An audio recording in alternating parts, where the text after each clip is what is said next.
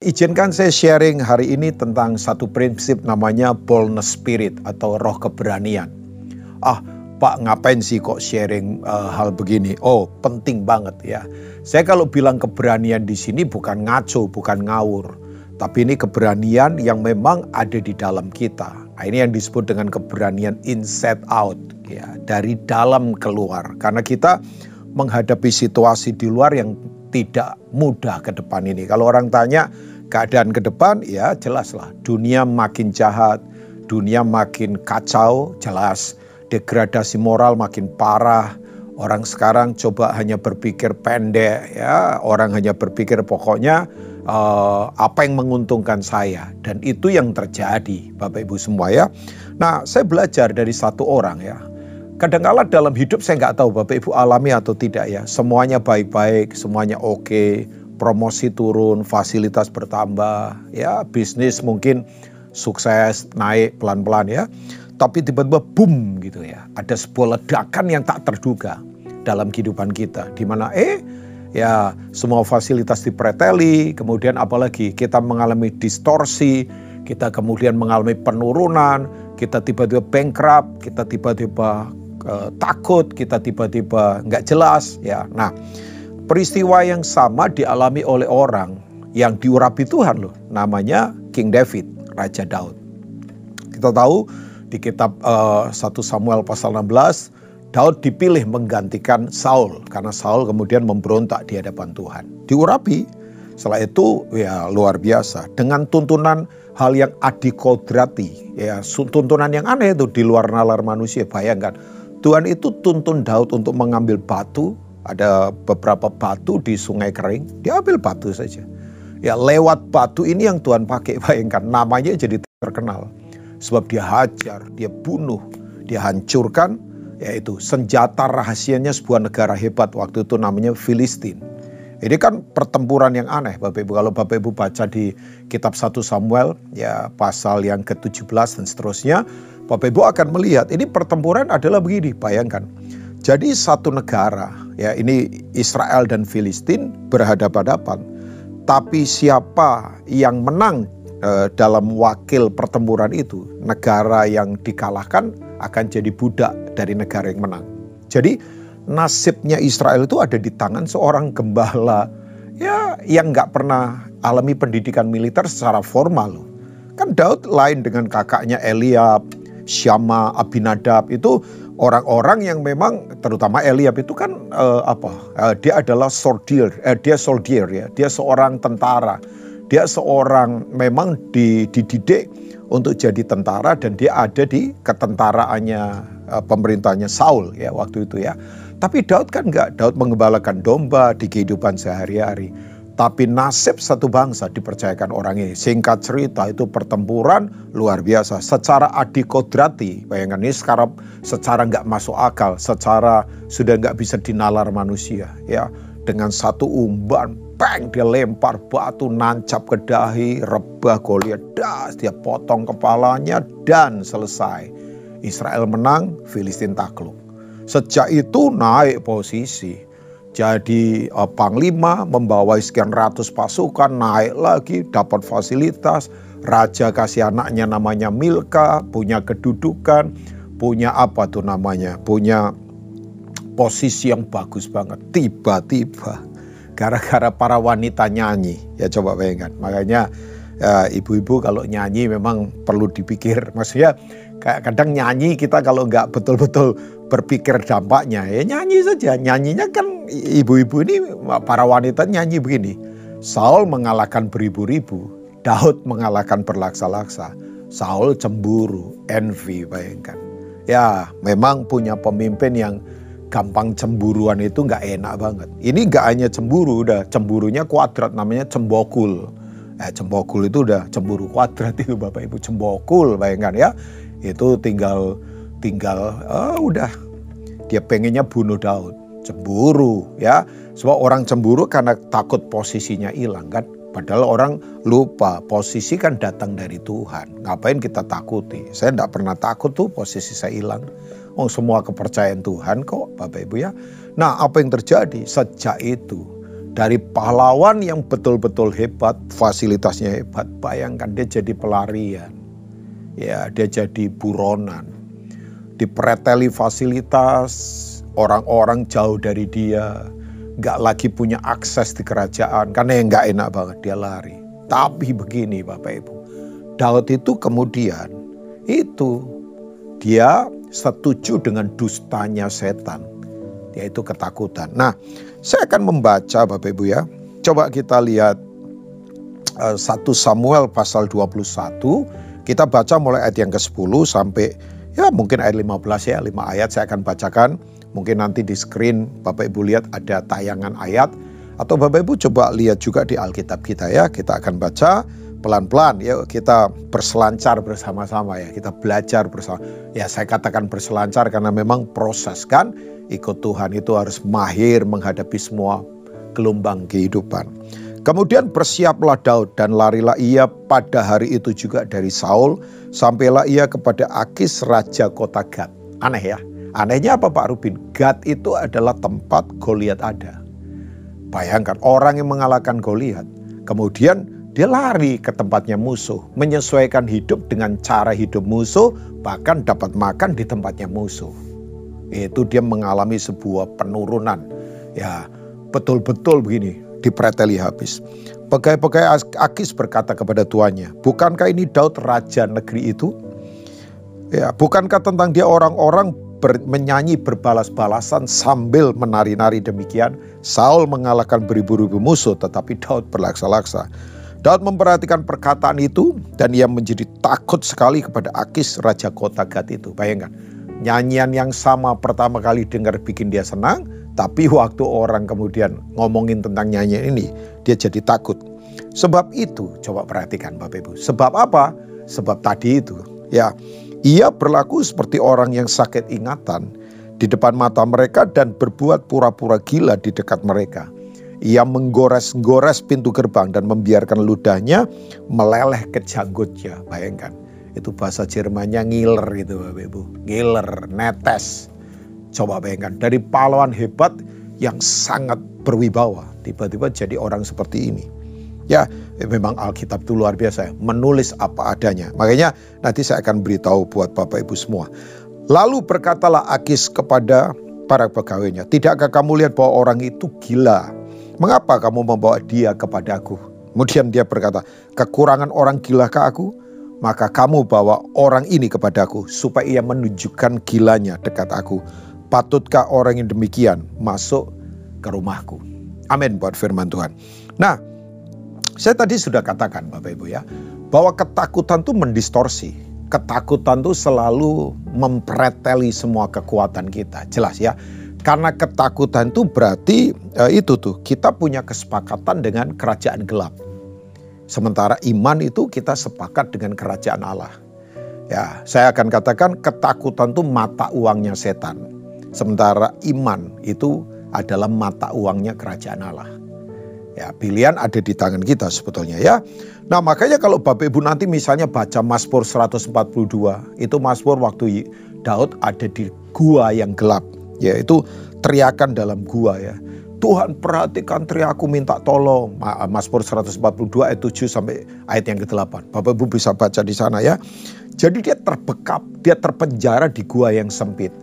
Makanya dia tidak bisa, eh, Bapak Ibu kalau ada di ruangan yang yang yang yang yang sempit ya. Kayak saya sekarang ini kan ada di satu ruangan yang terbatas pandangan saya. Ya, waktu saya lagi typing ini ya, pandangan saya terbatas karena memang ada di sebuah studio yang memang uh, eh, CK7 miliki. Ya terbatas pandangan saya. Ya, ketika kemudian lampu kemudian mati semua ya saya nggak bisa ke mana-mana. Saya mungkin bisa nabrak di eh, nggak uh, tahu pintu keluar ke mana karena memang itu gua itu membekap kita saya nggak tahu ada yang sekarang lagi di gua keputusasaan, gua uh, kehilangan pengharapan, gua depresi dalam kehidupan. Ya kita tahu ya angka orang depresi makin banyak sekarang ini. Orang-orang stres makin luar biasa. Nah, Daud alami yang yang yang yang yang ini, yang yang apa namanya, yang sedang saya sampaikan ini buat Bapak Ibu semua ya. Nah, Tapi kemudian saya suka sekali, ada beberapa prinsip. Ya saya bagikan ini kalau Bapak Ibu sekarang lagi dalam kondisi gelap, strategi gelap, pandangan gelap, ya kehidupan begitu gelap, ya semua bisnis kelihatannya gelap, prediksi ke depan juga nggak tahu bagaimana, ya dunia makin ya nggak jelas. Ya bahkan saya dengar uh, bahkan bahkan kayak kayak uh, perserikatan bangsa-bangsa pun sudah punya planning-planning yang aneh. Ya saya tidak bisa sebutkan secara detail, tapi tujuannya memang yaitu saya dengar ini uh, berharap bukan hoax ya, bukan sebuah berita yang nggak jelas, tapi kita ada di masa-masa yang tidak mudah. Ya, tapi coba. Nah, ini dia. Dalam Tuhan selalu ada kekuatan. Yang percaya katakan amin. Nah, saya akan lemparkan bagaimana ya mengubah semua ketakutan, kepesimisan, ketakutan kita itu menjadi kekuatan yang memang um, mampu untuk kita menghadapi semua situasi. Ya, Nah, kita kembali ke prinsip firman Tuhan. Ini Mazmur Daud. Ada di Mazmur pasal 34. Coba kita lihat ayat yang kedua mulai sampai mungkin ayat yang kelima saja ya. Let's see Mazmur pasal 34. Kalau Bapak Ibu lihat, ini konteksnya adalah ketika dia itu pura-pura gila di depan uh, Abimelek. Kalau tadi kan di depan Akis, tapi prinsipnya sama dia pura-pura gila juga. Dia pura-pura nggak waras juga. Prinsipnya sehingga ia diusir pergi. Kasihan ya, jadi kayak disepelekan begitu.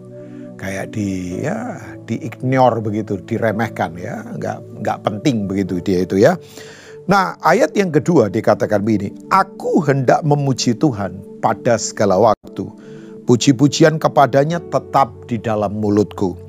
Karena Tuhan jiwaku bermegah Biarlah orang-orang yang rendah hati mendengarnya dan bersuka cita. Muliakanlah Tuhan bersama-sama dengan aku, marilah kita bersama-sama memasyurkan namanya. Aku telah mencari Tuhan, lalu ia menjawab aku dan melepaskan aku dari kegentaranku. Yang percaya katakan, amin dari ayat-ayat ini ya.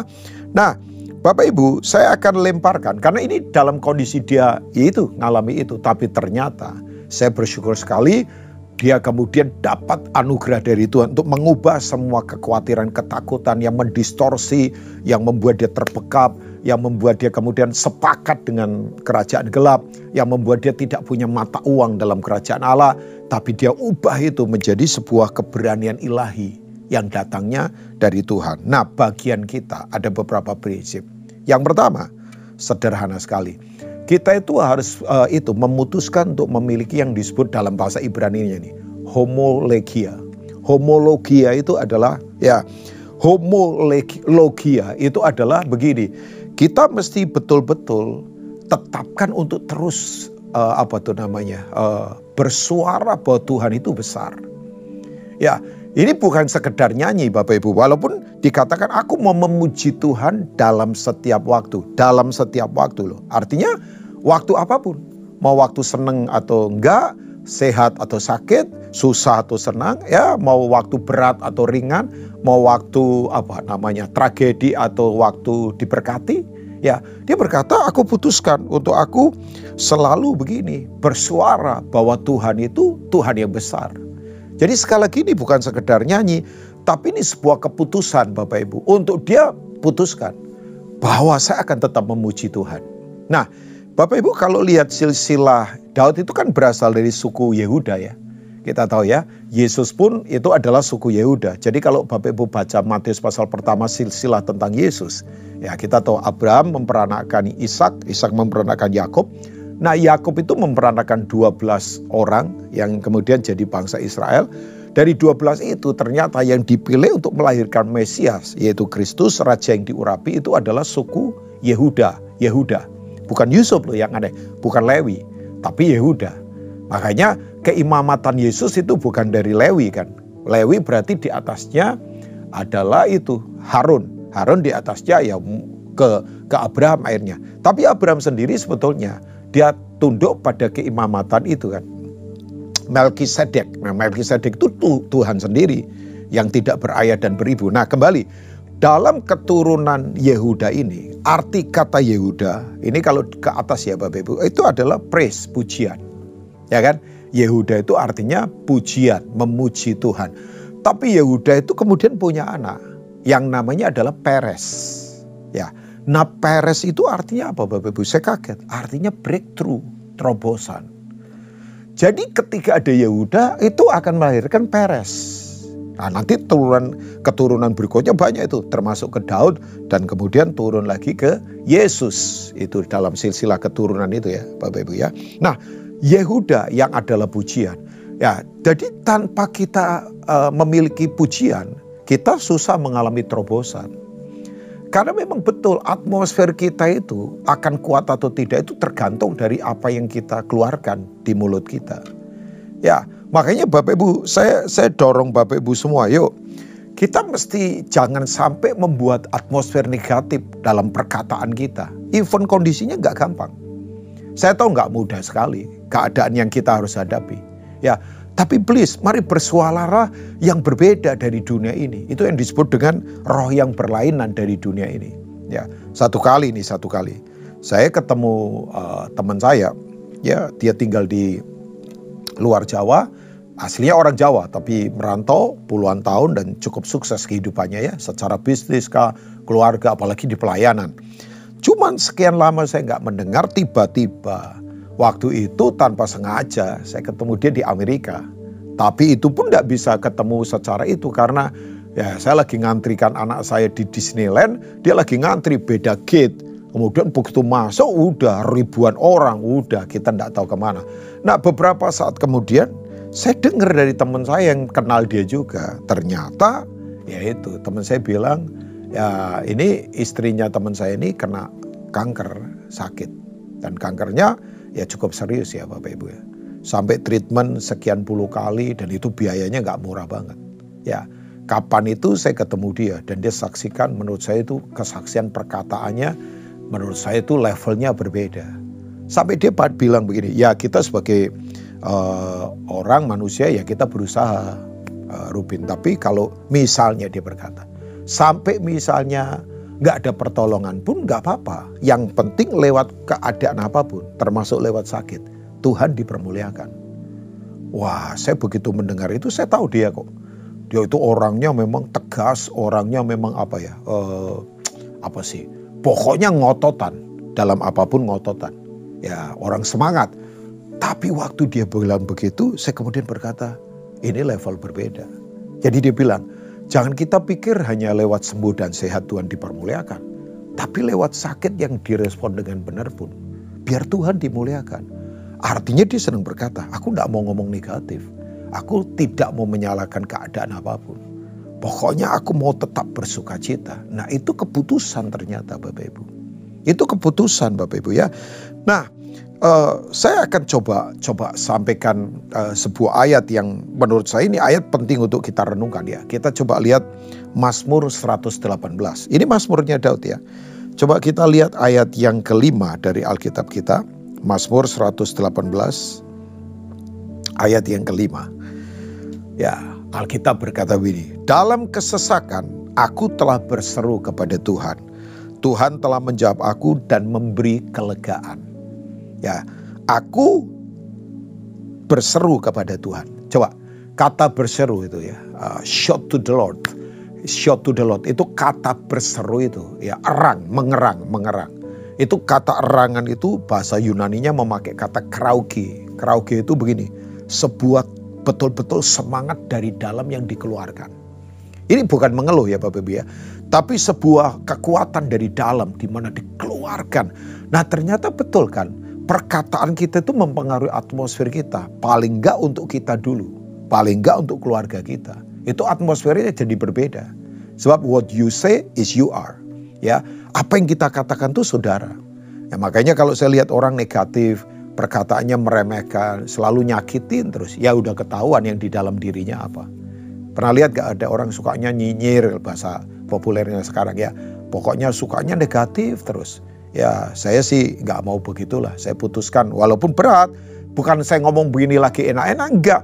Kita ngalami semua proses kan dalam kehidupan. Tapi Bapak Ibu, Daud berkata, aku tetap berseru pada Tuhan. Nah, ada terjemahan lain dari ayat ini bagus banget. Terjemahan itu mencatat begini, ya ini. Ketika aku terdesak, terdesak ini, didesak, situasinya mendesak. Aku berseru kepada Tuhan dan Tuhan itu membawa aku ke tempat yang sangat luas.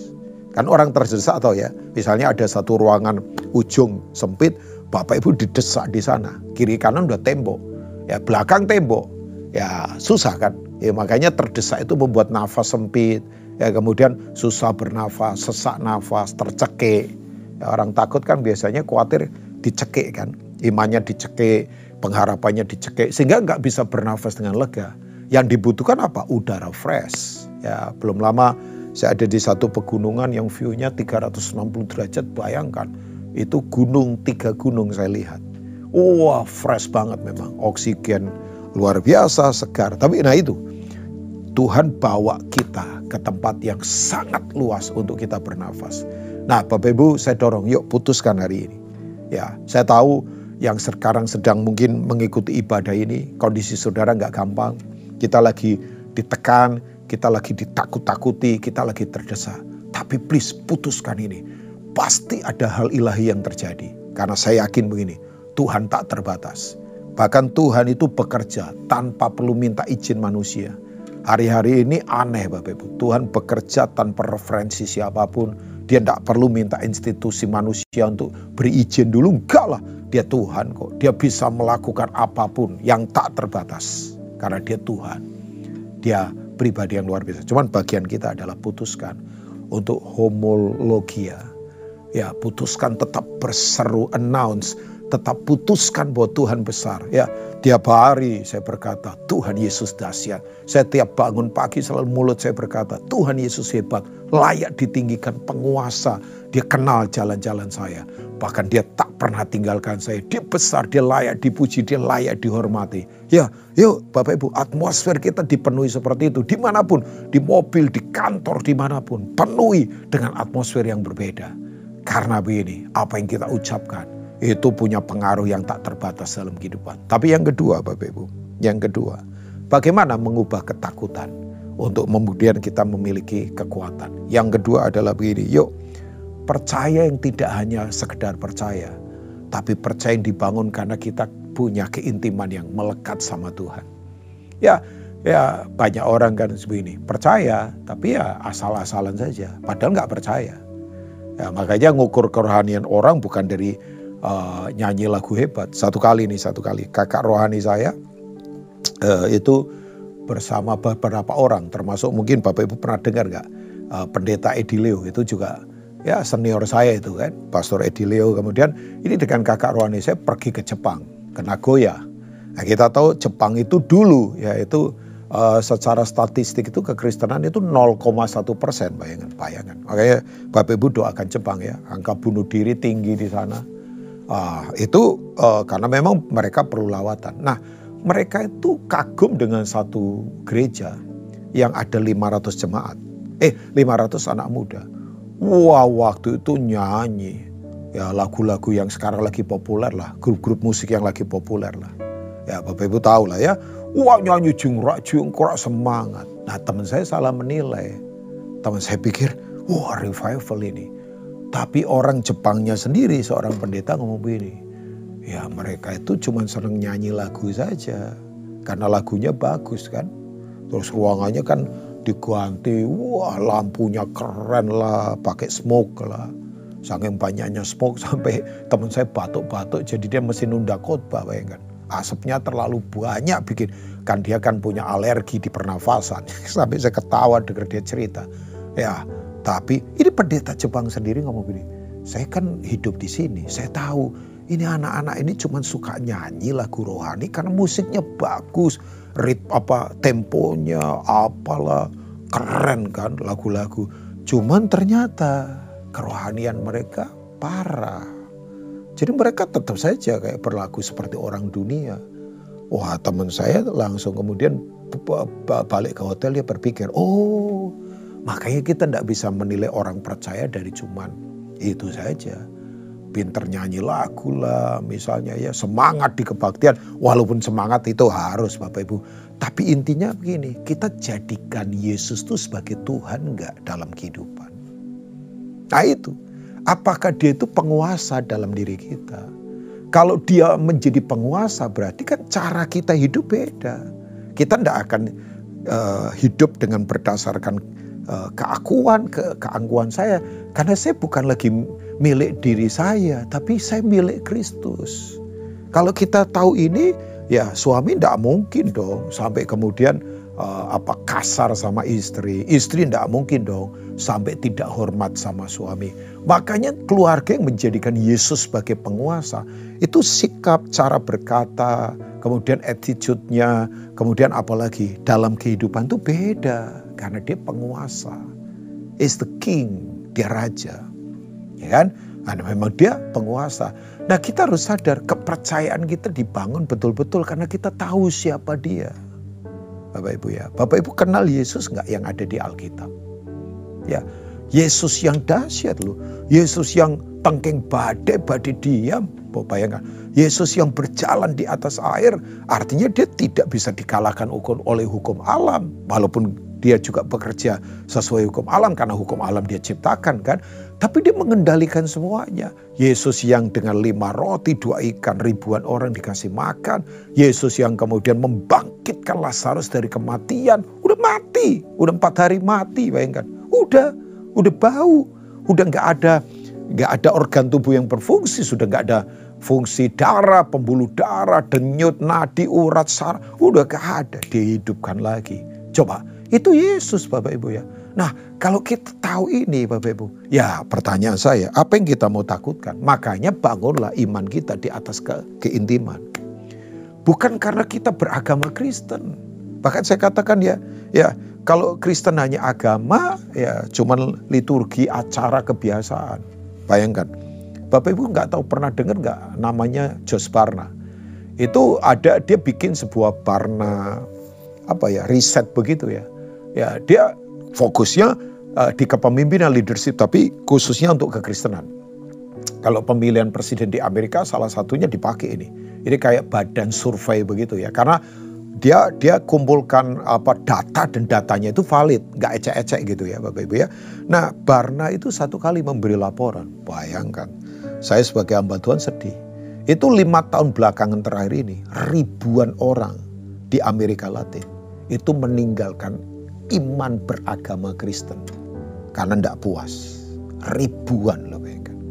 Ya karena itu liturgi saja kebiasaan Ya pokoknya asal kebaktian lah. Ya pokoknya asal tepuk-tepuk tangan, kasih persembahan dengar khotbah. Ya udah. Tapi nggak praktekkan di kehidupan sehari-hari.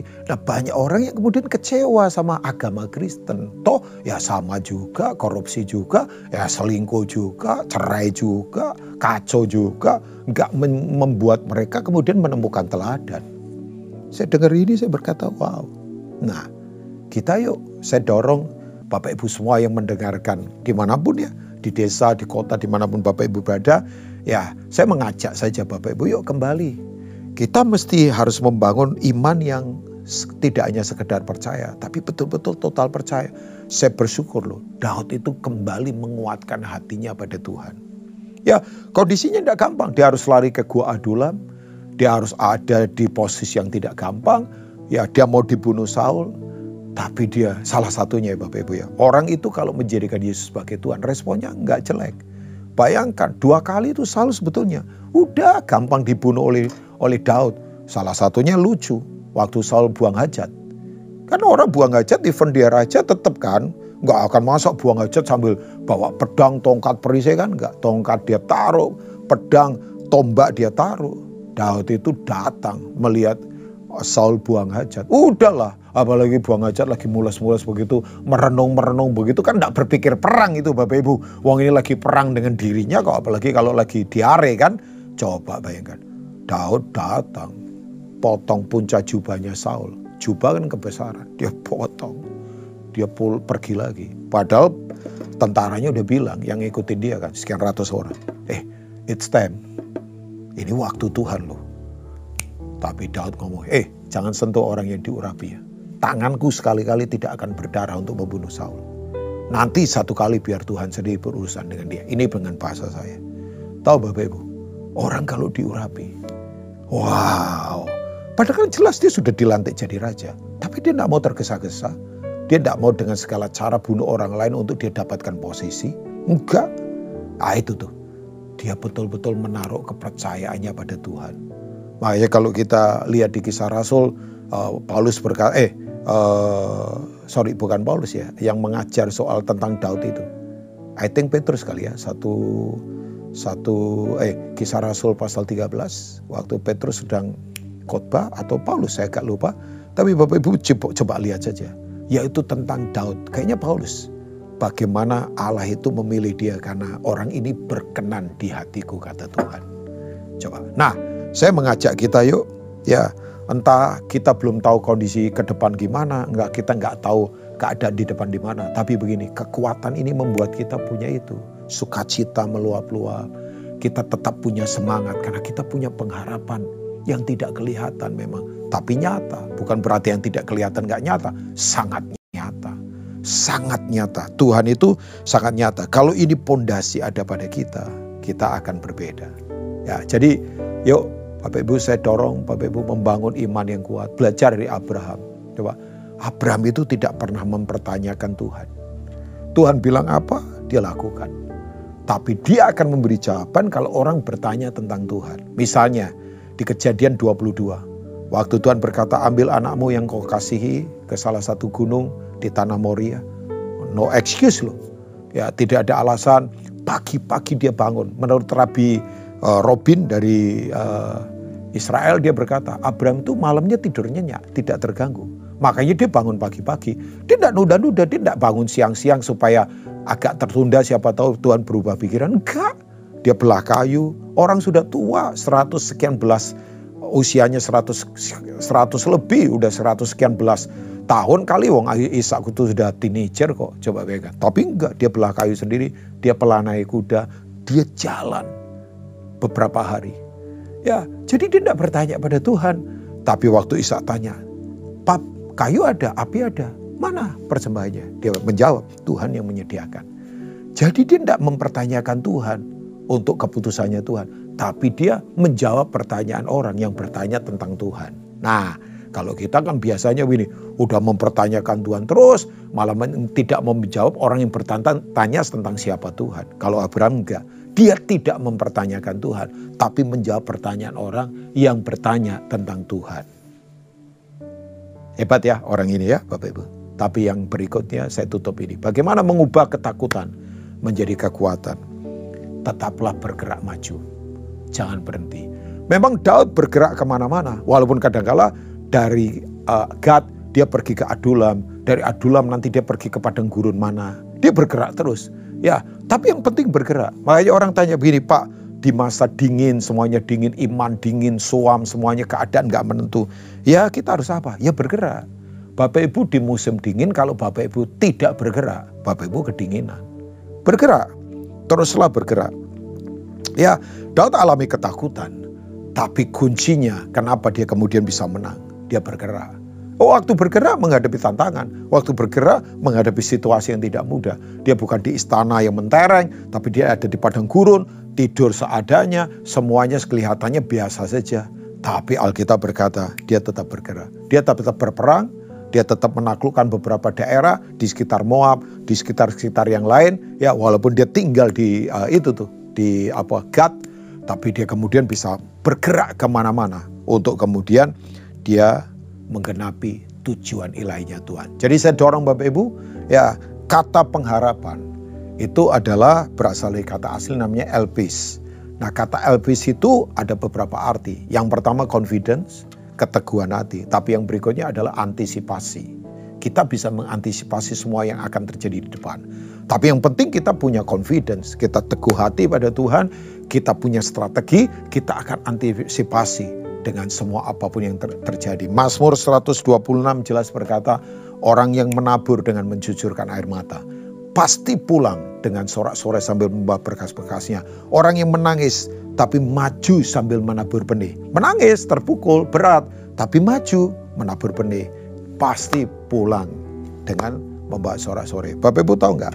Sebetulnya kan hukum ya hukum kapitalis itu hukum hayalan.